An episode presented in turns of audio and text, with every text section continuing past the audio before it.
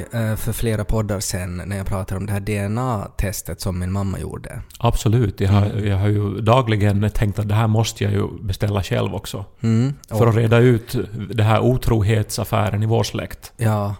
Ja, Mer om den sen. ja okej, vi väntar på det då. Eh, min mamma visade sig då att hon hade en hel del irländskt blod i sig. Och det här ledde ju då till att jag eh, har betett mig lite irländskt alltid när det går. Eh, sådär att jag eh, kanske blir lite fotbollshuliganig och, och, och, och sådär att om man pratar om potatisar och svält så då, då börjar jag må dåligt genast och sådär. Eh, nu har en, en väldigt eh, uppmärksam lyssnare här, eh, Peter heter han, så han skickade ett mail där han, han tackar för podden, att det är en rolig podd. Eh, och, eh, och han hade fastnat på det här där jag pratade om att jag har irländskt blod i mig. För han berättade att han har en, träffat en irländare för en tid sedan som berättade att vikingarna eh, uh, stranda i viken där Dublin nu finns, alltså någon gång på 900-talet. Och så våldtog de eh, typ allt som det gick att våldta, ungefär. Och han menar då att det är mer troligt att, att det som är liksom mitt DNA är, är liksom vikingablod framom då irländskt blod. Att man kan ju anta då att någon eh, otroligt snygg viking eh, helt enkelt kidnappa någon irländsk kvinna eh, och, och tog henne då till Finland. Eh, och på något sätt att det skulle då förklara varför jag har irländskt DNA. Att det är liksom att jo, jag har irländskt DNA, men jag har ju också vikinga-DNA. Ja, Och men eh, alltså du menar då att du är avkomman då till, till en sån här hemsk handling då? ja, Ja. Uh, alltså så här, alltså några generationer däremellan förstås. Men att det som jag egentligen skulle vilja säga är att nu är det ju mycket häftigare att jag är en viking än att jag är någon så här fjantig irländare som liksom har så här potatissvält och sådär. Nu är det ju mycket tuffare att, att jag har liksom äh, släktingar som har faktiskt farit med långbåtar till andra länder och mördat nunnor och tagit guld med sig. Och liksom, jag kanske har någon släkting som har runskrift någonstans på någon sten. Nu är det ju mycket häftigare det. Ja, men nu Och säger att, då, ju att det här inte... DNA-testet eh, eh, har ju liksom sina brister och inte, inte kunde liksom se skillnad då i att okej, jag hade lite smutsigt irländskt DNA, men att det här riktiga, det här vikingablodet, att det, det på något sätt syntes inte det här testet. Nå, men om det får dig att- känna dig bra, du, du har ju någon sån här grej du, att du gärna vill vara en sån här mäktig liksom krigs... eh, Ja. liksom hövding när du sätt. säger att, att jag har någon grej med det, så vad menar du då? Ja, Jag, jag upptäckte det här egentligen först när vi var och spelade paintball. När, Mm. när du plötsligt liksom gick all in och började kräla i skogen. När jag var som Maximus i Gladiator-filmen, att jag tog kommandot och förintade motståndarna. Ja, och, och, Decimerade. och, och det överraskar mig just att du tog den här rollen så självklart Ja. och, och med sån stor passion. Ja. För du är ju annars en väldigt fredlig eh, människa som aldrig brusar upp och, och, inte, och inte gör Nej. någon för när och så Nej här. men det är just det som de bästa generalerna och vikingarna är just. Ja, no, alltså, men är det kanske så då att du har liksom i dig då den här, Mm. den här 5% liksom Bärsärkablodet. bärsärk och bränna ner byar Ja, eh, genen. ja men jag, jag tycker alltså det, det är ju jättecoolt det. Och jag har ännu inte börjat se, men att jag ska börja se den här, den här serien, den här Vikings, och på något sätt då fantisera att huvudpersonen är liksom min släkting. De efterlyste ju också statister till den här serien. Ja. Som skulle då... Jag borde ju på något sätt få en sån här guldbiljett till att vara med där eh, på grund av mitt blod. Och, och, och alltså vilket mjöd jag ska koka. Som talar sitt så popna popcorn, så börjar vi popnu denna popcorn, så börjar vi lys på Ted och Kai. Ja, men så det finns alltså någon sorts skandal då i, i ditt DNA? Ja, nej, jag vet ju inte. Alltså vi hade ju släktträff här i somras och det gavs möjligheter då till så här ordet fritt, att man Mm. skulle kunna gå upp på scenen då inför 200 eh, liksom församlade småkusiner och pusslingar och sysslingar Och börja... och ställa frågan rakt ut. Ja. Att vad fan Ja. hände då någon Si gång på de här och si på de där. 1900-talets början. Mm. Nej men till saken hör då, alltså min pappa eh, blond, blåögd, eh, mina farföräldrar blonda, blåögda. Så den här urtypen av liksom blonda finnar. Nej men de ser ju ut som att de ska kunna sälja havreprodukter. Ja, precis. Då, då, de är som hämtade från det här havrepaketet faktiskt. Bra beskrivning. Eh, mina, min mamma, så eh, det här eh, hennes mamma, min mormor, blond, blåögd, från en släkt med blonda, blåögda och det här, alla mina kusiner från det hållet, blonda, blåögda och så vidare. Mm. Men moffa då, Ja. eh, brunt hår, mörk hy på något sätt och eh, bruna ögon. Så han är på olivpaketen. Och om jag har förstått saken rätt så hade Moffas föräldrar blont hår och blå ögon. Ja, så att där är alltså en, eh, en otrohet. Alltså jag har inga bevis för det här, Nej, men det är men man- konstigt för alltså- den här, den här genen då, alltså de här bruna ögonen och det här mörka gick vidare sen Ja. Mm. till mamma och gick vidare sen till alla barnen Korkeaho. Ja. Och jag tror, är det inte nu, nu är jag hemskt osäker på min biologi, men jag tror inte att bruna ögon kan ligga latent bland två, eller kan det just det? Alltså det kan det väl om, om, Ja. om man nu minns eh, de här eh, korsningsschemana från biologin på nian, Ja. så är det väl då eh, att eh, liksom om, om, om, om två eh, A och B möts, så då, då kan det ju bli liksom... Mm. Ja, men vi skiter i det där. Alltså det har ju varit någon, en, en gårdsfarihandlare har ju alltså kommit dit till, till, till din muffas föräldrar. Nå, Får man ju till anta. saken hör också att, eh, att Muffas mamma dog när Muffa var fyra år. Mm, Muffas pappa ville inte ha någonting att göra med Muffa. just det. Och eh, han Men menar du, att, barnhem. menar du att han tog livet av kvinnan? Det när menar jag här- absolut inte. Jag tror Okej. hon dog i, i typ tuberkulos eller någonting som väl var ganska vanligt på den tiden. Ja. Eh, och det här... men mm, jag, jag har alltså inga bevis, men jag tänker att ett sånt här DNA-test skulle eventuellt då kunna visa att jag också har kanske... Inte vikingablod? Nej men kanske så här, vet du, mon- mongolblod, kanske någon sån här Attila, vet du. Ah, nja. Genghis khan. Nej, det, alltså det, det, det blodet har ju väldigt många härifrån, för det kommer ju från Ryssland. Uh, och Genghis khan är ju också... Det är väl någon sån här grej att, att de flesta människor med asiatiskt ursprung har ju en stor del av Genghis khans blod i sig. För att han eh, hade väl... Det var väl i något skede på planeten att han, eh, han var pappa till alla, tror jag. Eh, Det var väl ja, så. Det sägs väl att 1% av världens befolkning på något vis är rakt nedstigande led Ja, och sen var det väl också något sånt att han mördade så många att det påverkar liksom ozonlagret eller något sånt där. Och det kan ju hända att det dåliga samvetet gör att man försöker rädda det här genom att få så många barn det bara går. Men man borde ju utveckla det här gentestet så att det skulle vara mer specifikt. Så att man skulle se liksom från du, specifika tider, när har den här genen inkorporerats i DNA? Och eh, hur länge har det varit med?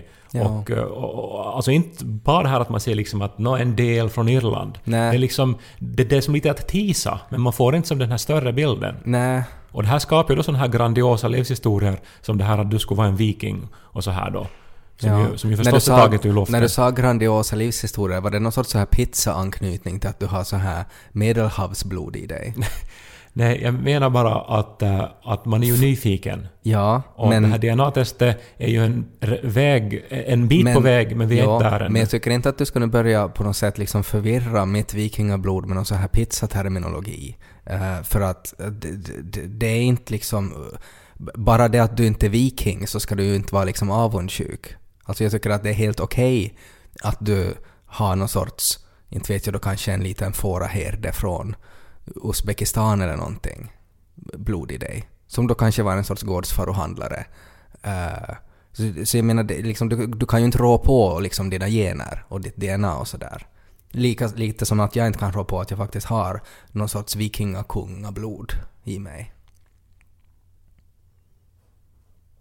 Man skulle vilja se, när man gör ett DNA-test, alltså så här är det ju. Jag skulle vilja kunna hosta i en burk och så skulle jag få se en film om varifrån jag kommer. det är ju det, det, det är ju liksom det man skulle vilja. Eh, och, och jag menar, jag, jag skulle kunna sträcka mig så långt att jag skulle kunna kissa i en burk.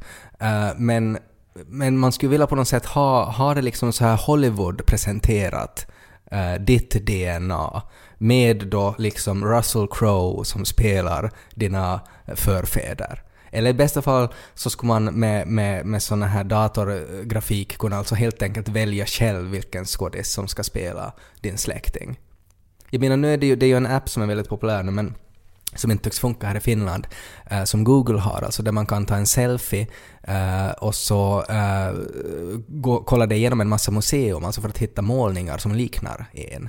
Uh, och jag menar, det här skulle också kunna vara en sån här grej att du hostar en burk, tar en selfie och så tar det någon jättesnygg skådis som liknar dig Uh, och så får du se då en otroligt häftig liksom vikingafilm som på något sätt slutar med att ett, ett barn sätts i en blodig uh, så här krubba iväg uh, längs Nilen och far iväg och så slutar det med att och det där barnet, det var din faffas, faffas, faffas, faffas, faffas, faffas, faffa. Som våldtog någon stackars irländare.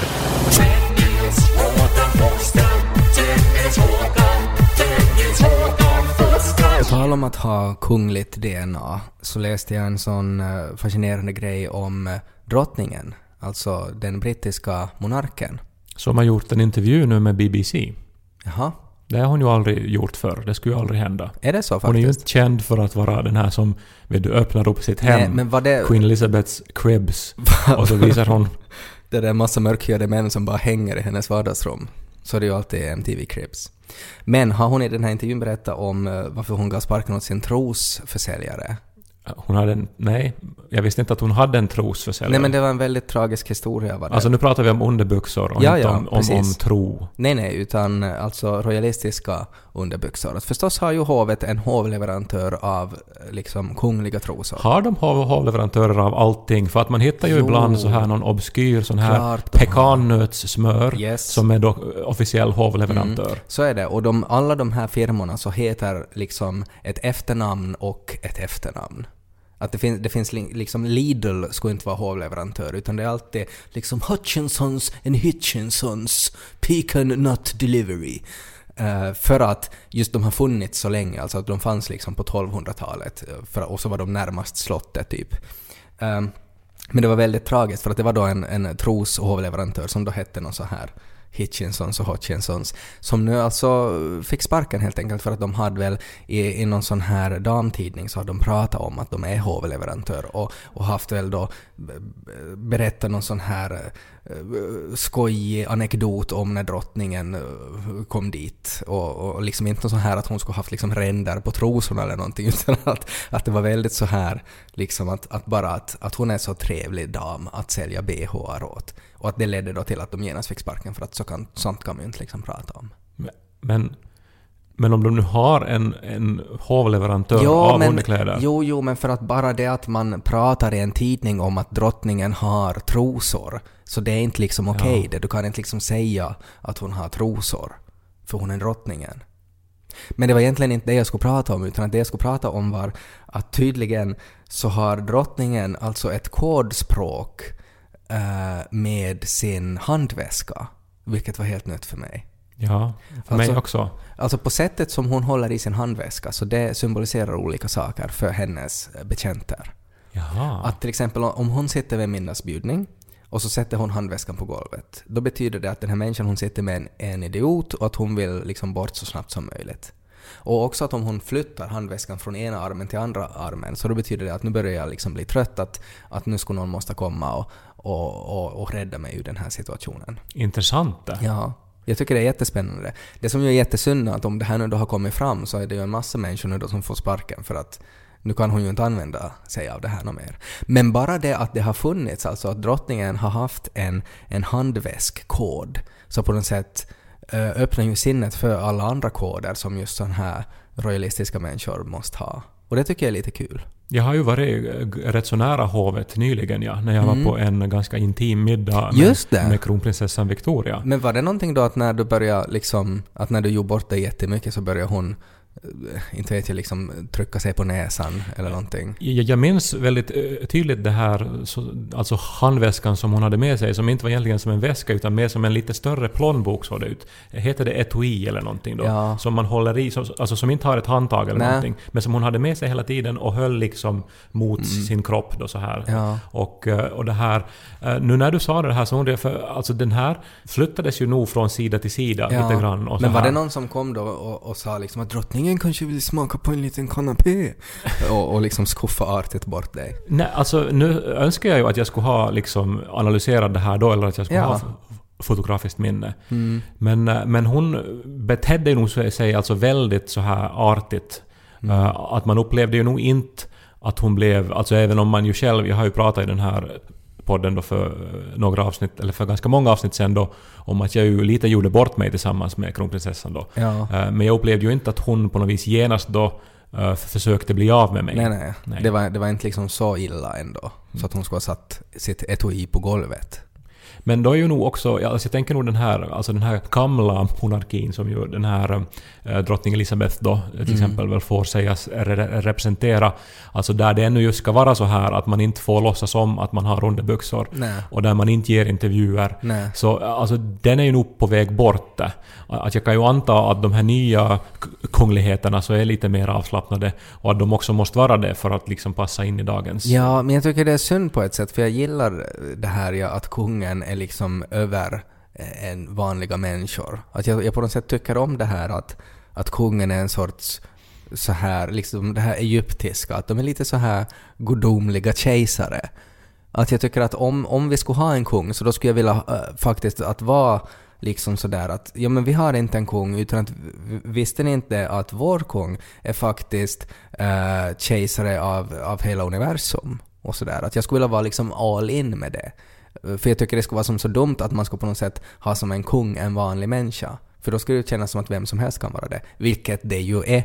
Men på något sätt för att lura sin egen hjärna att varför vi har en kung så skulle man ändå kunna säga att ja men för att det är faktiskt, han är, en, han är inte en människa, han är en halvgud.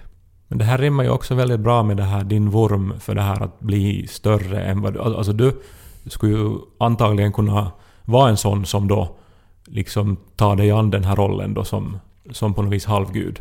Ja, nej, men kanske... Jag tror... Alltså, jag skulle väl kanske inte vilja vara den här halvguden, men att jag skulle jättegärna dö i strid för den här halvguden. Det var ju väldigt vanligt bland vikingarna också att eh, de var ju väldigt åtråvärda livvakter. Eh, och, och där har man ju hittat liksom då eh, Eh, så här vikingamynt eh, överallt liksom med ottomanska imperiet och sådär där de hade varit väldigt duktiga krigare och sådär. För de var ju mycket större än alla andra och, och sådär. Eh, så, så det, det tycker jag är, är, är liksom helt fine. Riddare, ja, det skulle jag också kunna vara. Liksom bli dubbad av drottningen. Skulle vara helt schysst tycker jag. I princip alla situationer där det skulle vara okej för mig att slå andra med svärd och på något sätt få komma tillbaks till staden och rida på en häst och så skulle de så här strö blommor omkring mig. I Thailand har de ju den här prinsen nu då. Ja men han är väl, det är väl ganska sådär att man får väl inte säga att kungen har trosor där heller. Nej, och eh, den här eh, prinsens bild så, så finns ju lite överallt Mm. eh, på tavlor och på, och på plakat. Ja. Och också förstås på alla pengar. Ja. Och det gör ju då att man inte får hur som helst då eh, behandla sina pengar. Men är det inte någon sån här grej också att om man typ ritar en lös mustasch på den här så då kommer det en laser och skjuter en? Ja, man kan säkert få hemskt stränga straff. Alltså, Mm. Det är ju också överlag väldigt stränga straff på till exempel Mm. droganvändning. Att man kan ju Mm. för, om man använder marijuana så, så är det, jag vet inte hur många års fängelse eller till och med dödsstraff om man Ja. till exempel har langat marijuana. Men det gillar jag. Jag tycker att, att det, det är liksom så här att du ska inte photoshoppa liksom kungen, utan då skjuter vi dig med laser. Det, för att det på något sätt understryker, tycker jag, det här uh, gudomliga kejsarskapet som jag gillar. Och att jag kanske då skulle få ha den där lasern som skjuter dem där som, som photoshoppar. Nu, nu skulle det ju vara en bra, bra tidningsrubrik i The Daily Telegraph, eller vad det nu heter, om det är som att den kungliga trosleverantören hittades som en hög av aska efter en laserstråle kom in genom fönstret. Elisabeth sitter där med en sån här kikare som de har på operan och tittar ut genom fönstret och har en liten, liten, liten laser. Och så trycker hon en gång och så skäller en korgi och så är det bara en aska som ryker där någonstans. Dagen efter har hon Calvin Klein. Korkea, aho. Kaerik korkea, aho. Kai ko ko ko ko korkea, ho. Jag ser ju upp till dig Ted på väldigt många sätt. Du har ju lärt mig mycket, tycker jag. Som vadå? No, men så här om humor och, och, och så är du också överraskande allmänbildad. Att till exempel allt det här om vikingar och det här och om eh, vad du nu sa, jag har redan glömt det. Det, men det är bara för att jag har läst Röde Orm, som är en bokserie som jag rekommenderar. Av Frans G. Bengtsson. Exakt. Ja, en klassiker. Mm. Eh, men sen har du ju också lärt mig mycket så här om moral och etik, tycker jag. Eh, speciellt när vi var yngre och studerade i Åbo, så då satt vi ju länge och diskuterade. Och, och jag som inbiten eh, kristen så ställdes ju ofta mot din ateistiska världsbild. Ja. Och sen så argumenterar du väldigt bra för olika ståndpunkter som handlar om moral, som jag såg som väldigt svartvita, men du visade att det här var inte kanske så, så enkelt ändå. Mm. Ja, tack för det. Varsågod. Men nu har jag nog ett så svårt dilemma Jag här. tänkte just säga att alltid när du börjar med att- på något sätt så här lyfta fram goda egenskaper hos mig och sådär så är, är det någon sorts förolämpning som kommer snart. Nej, det här, det här är faktiskt inte alls så. Utan Okej. det där var nog en ren komplimang. Okej, Som du kan ta till ditt hjärta. jag ska göra det. Bära med dig hela veckan. Mm. Eller resten av livet. För några fler kommer inte. Nej. Eh, men eh, jag, jag bara slogs av en grej när jag läste eh, en sån här debatt på sociala medier. Eller det var inte en debatt, det var snarast ett upprop att sluta fota på olycksplatser. Mm. Nå, och det tycker jag är, är, är helt klart, att inte ska man göra det. Det är att inte visa respekt. Mm. Och speciellt inte att sen börja publicera de här på sociala medier. Väldigt Nej. respektlöst. Så är det. Ja.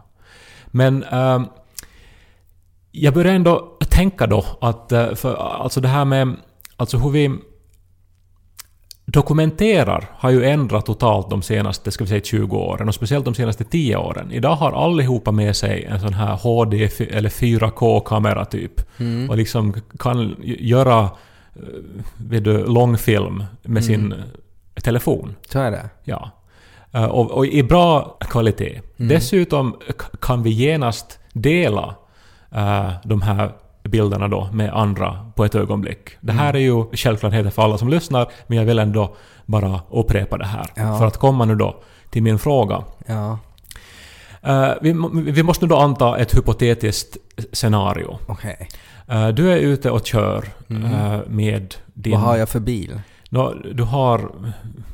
Ja, vad, vad finns det för bilar? Ja, ja, Jag kan ja, men alltså bilar. jag vill mest bara sådär att har jag en vanlig bil, eller är det en sportbil, eller är det någon sorts så här offroad fordon? En helt vanlig jävla bil. Okej. Ser jag ut som jag gör nu, eller har jag på något sätt så här 80-tals hår och solglasögon? Du ser ut precis som du gör nu. Okej. Du är på, på väg på något väldigt osexigt ärende. Okej. Minding your own business. Jag ska kanske och, och, och, och liksom kolla prostatan eller någonting. Det låter ju allvarligt. Är det något du har tänkt på? Nej men börjar vi inte vara i den åldern snart? Ja, man ska ju kolla den. Ja. Det var när du sa osexigt så tänkte jag att...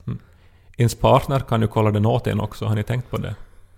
Eller vänta nu. Det Ja. här kanske gäller inte. Men jag kör bil då. Ja, okej. Nå, du närmar dig plötsligt en, Sjukhuset. nej, en olycksplats. Okej. Eller du ser, en bil är i dike. Mm. Någon stackare har kört i diket. Ja. Och det här är nu då ett ensligt vägavsnitt. Vi antar att det är någonstans i Österbotten. Ja. Inga andra pilar syns till. Du är först på plats. Ja. Nå, vad gör du då? Nå, förstås stannar du ju bilen Ja. för att se om du kan hjälpa. Mm. Eh, du... Uh, Ta livet av någon älg kanske? Om där finns en älg? nå, nu vet vi ju inte då hur den här olyckan hände. Nej. Nej, men jag vill bara säga att, att som viking så skulle jag inte vara rädd att bryta nacken av en älg om det är så att den liksom stapplar omkring där och är en fara för, för sig själv och för andra. Låt gå.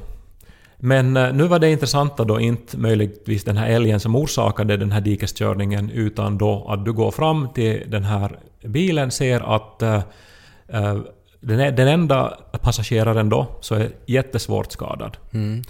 Du öppnar... Vem är det? Känner jag den här människan? Nej. Hur gammal är den här människan? För det kan, att om det blir en sån situation att är det värt att rädda den här människan? Nå, den här människan är 34 år. Okej, I din ålder. okej. Eh, du förstår genast. Du ser att det här är liksom en, en svårt eh, skadad bil. Du ser det är svåra skador. Personen blöder och Mm. Är det- lever. Är det en sån här situation att den här personen är liksom pressad mot ett träd av bilen och lever ännu, men att om jag backar bilen så skulle den dö? Häng inte upp dig så mycket nu vid de här Nej, omgivande jag vill- detaljerna Jag här. vill bara, alltså för att det är mycket man måste beakta i ett sån här Vi är på väg mot en kärna som har liksom hemsökt mig nu ett bra tag alltså. Okej. Eh, Ett svårt etiskt problem tycker jag. Ja. För nu då förstår du då att den här människan är döende. Ja Okej, så det förstår jag att den håller på att dö. Ja. Blodet sprutar ur pulsådern. Hen hostar Mm. och, är, och är liksom eh, så här i Jag kanske, chock. jag kanske får ett sån här rött skimmer liksom framför mina ögon. För att det aktiveras alltid när jag ser blod. Alltså att jag får så här bärsärk, liksom att jag måste tygla min passion liksom för, för att slåss. När jag ser sådär, att det väcker såna här liksom gamla genetiska minnen om att jag är på ett slagfält. Så det kan, men det är liksom, det, det trycker jag ner då. Det trycker du ner. Mm. Och det här... Ha, Du vet ju då i sådana här situationer, åtminstone i filmerna då, vad är det klassiska då som de här döende människorna säger? Nå, de brukar ge kanske en sån här stor diamant och säger att “You must not let Emperor Chivalu found this”. De säger ju då, eller hur, “Tell my wife that I love her”. Ja. Ja, att liksom då, de har nu, alltså några få meningar kvar Mm. och, och då vill de då koncentrera sig på det här kärna, på det här väsentliga då. Ja. Men nu är då min fråga då. Idag har vi ju alla med oss de här HD-kamerorna. Mm. Istället då för att du ska gå och säga till hans eller, hans eller hennes då partner Mm. att den här döende människan älskar dem. Ja.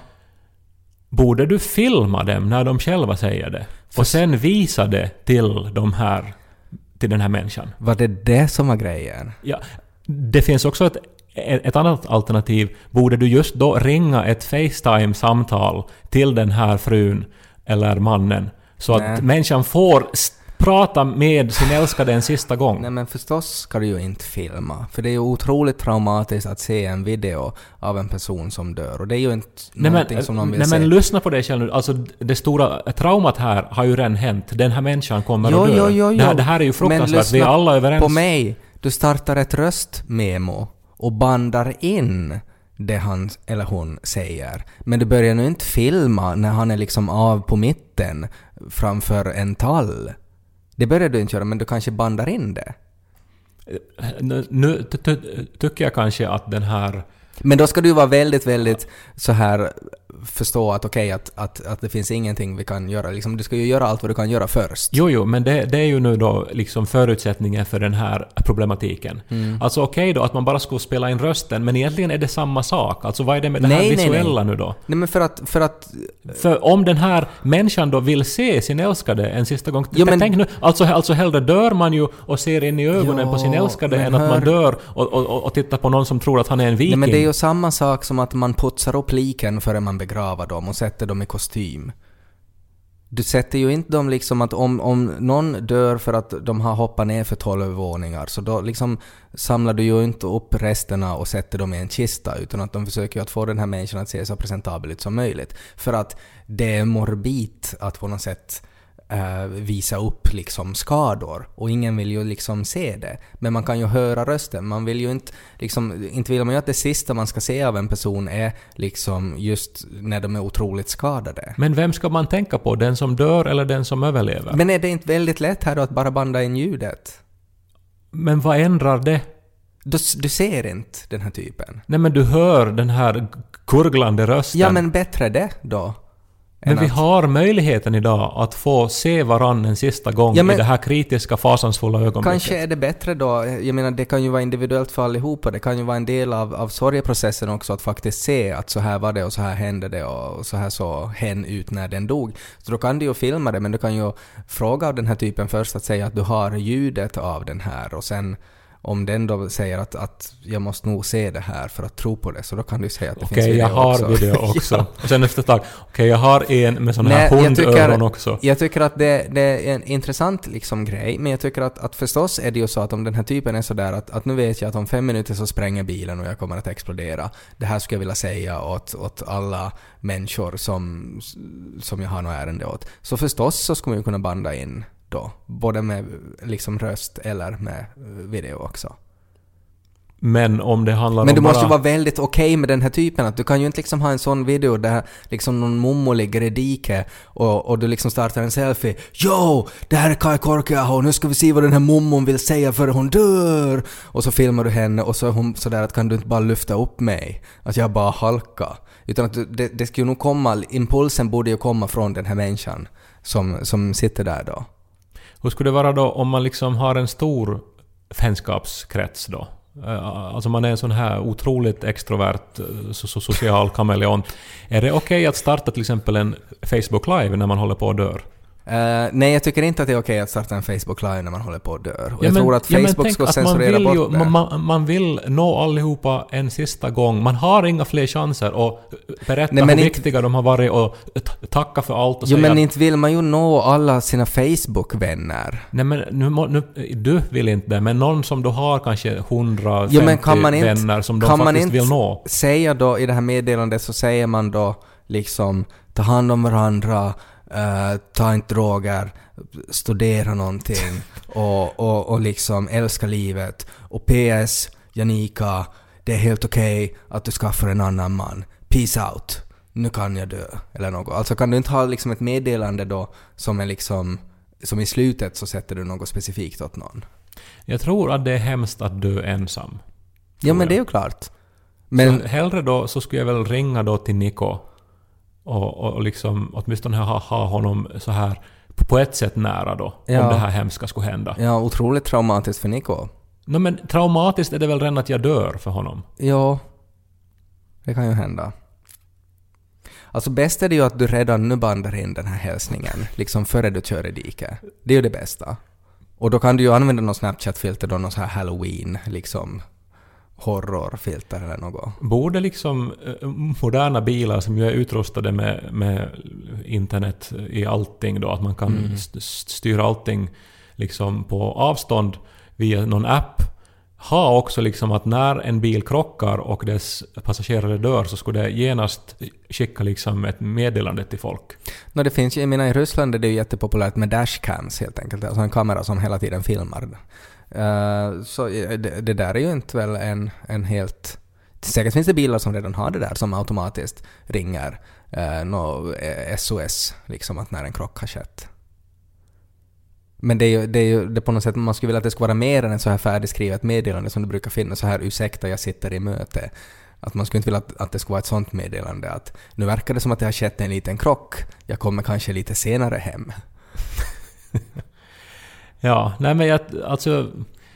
Akutpersonalen antar jag att, att det här att det alltså blir utpillade i det här. Eller det, Mm. det, det måste de ju bli. Ja men det, är- det är en intressant grej, alltså just det här att, att lämna ett meddelande till någon. Men att, att det är på något sätt att det är, väl, det är väl så få situationer där det faktiskt är så att, att nu går det inte att rädda den här människan men att vi har en möjlighet att den kan banda in något åt sina eh, efterlämnande. Alltså att det är väl därför det är så sällan det här är ett problem. För att oftast så, så går de här människorna att rädda eller så går de inte alls att rädda och då kan de inte heller säga något meddelande. Så att jag skulle nog säga att det här klassiska att skriv någonting med ditt blod i snön då. Jag menar det funkar ju alltid.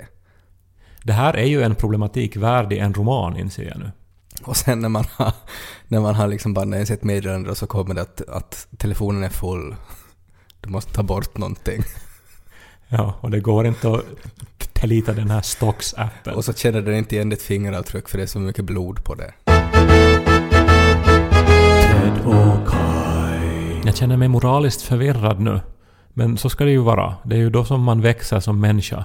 Eller gör helt fel beslut. Ja men då har jag också tänkt på det här om man vill skulle just då alltså råka ut för det här och inte ha funderat på det och så är man att ja men nu borde jag kanske filma det här och sen visa det till dina släktingar och, så, och, och, så, och så filmar man det och sen så dör människan Och sen blir man så här att mm, när man då träffar de här släktingarna och de liksom gråter och är förstörda så är man att men inte kan jag ju visa det här nu för det skulle ju förstöra dem ännu mer.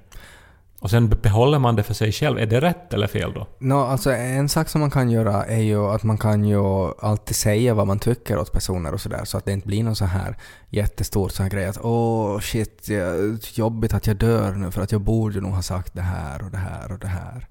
Så att om man har så lite sånt som möjligt i sitt liv så då kan man ju liksom dö eh, utan att det är någon så här stor ånger. Ja. Vad skulle du säga till mig då? Om du nu bara skulle ha en sak kvar att säga. Eh, eh, oj, vad svårt.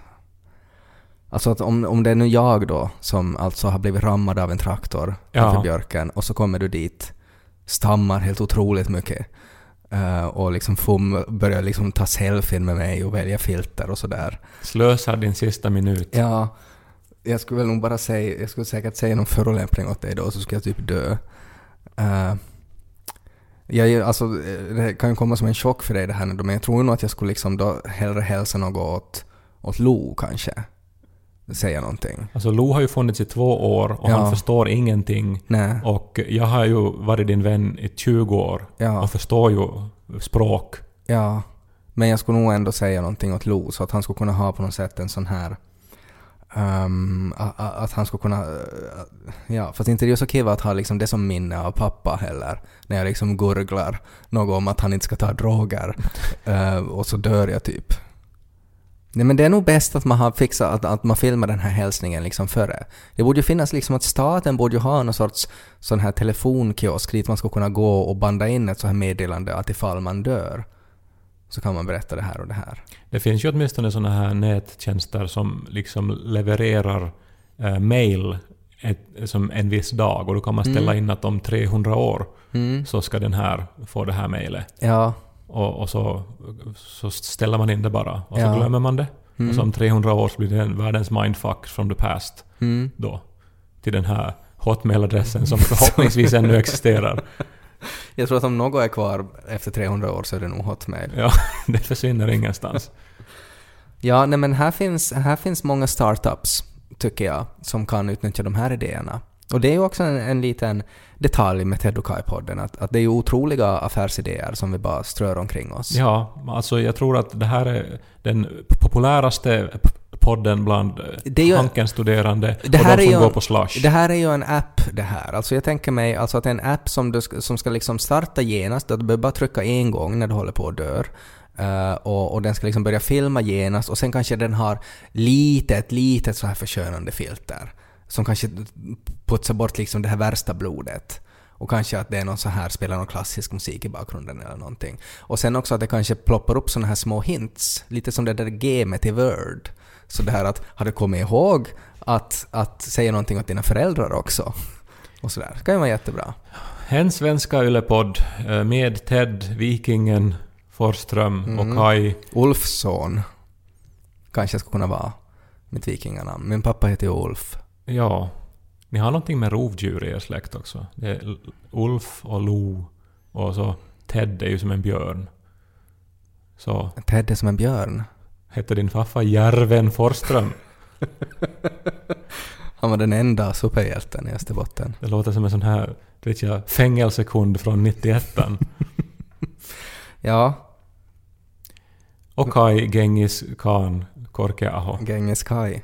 Ja. Ja. Vi hörs igen nästa vecka då. ja, ha det bra. Mm. Och borde du säga någonting här nu då, om det är så att du dör före nästa vecka? Niko, du vet vad du ska elda upp. Ted och Kai, Ted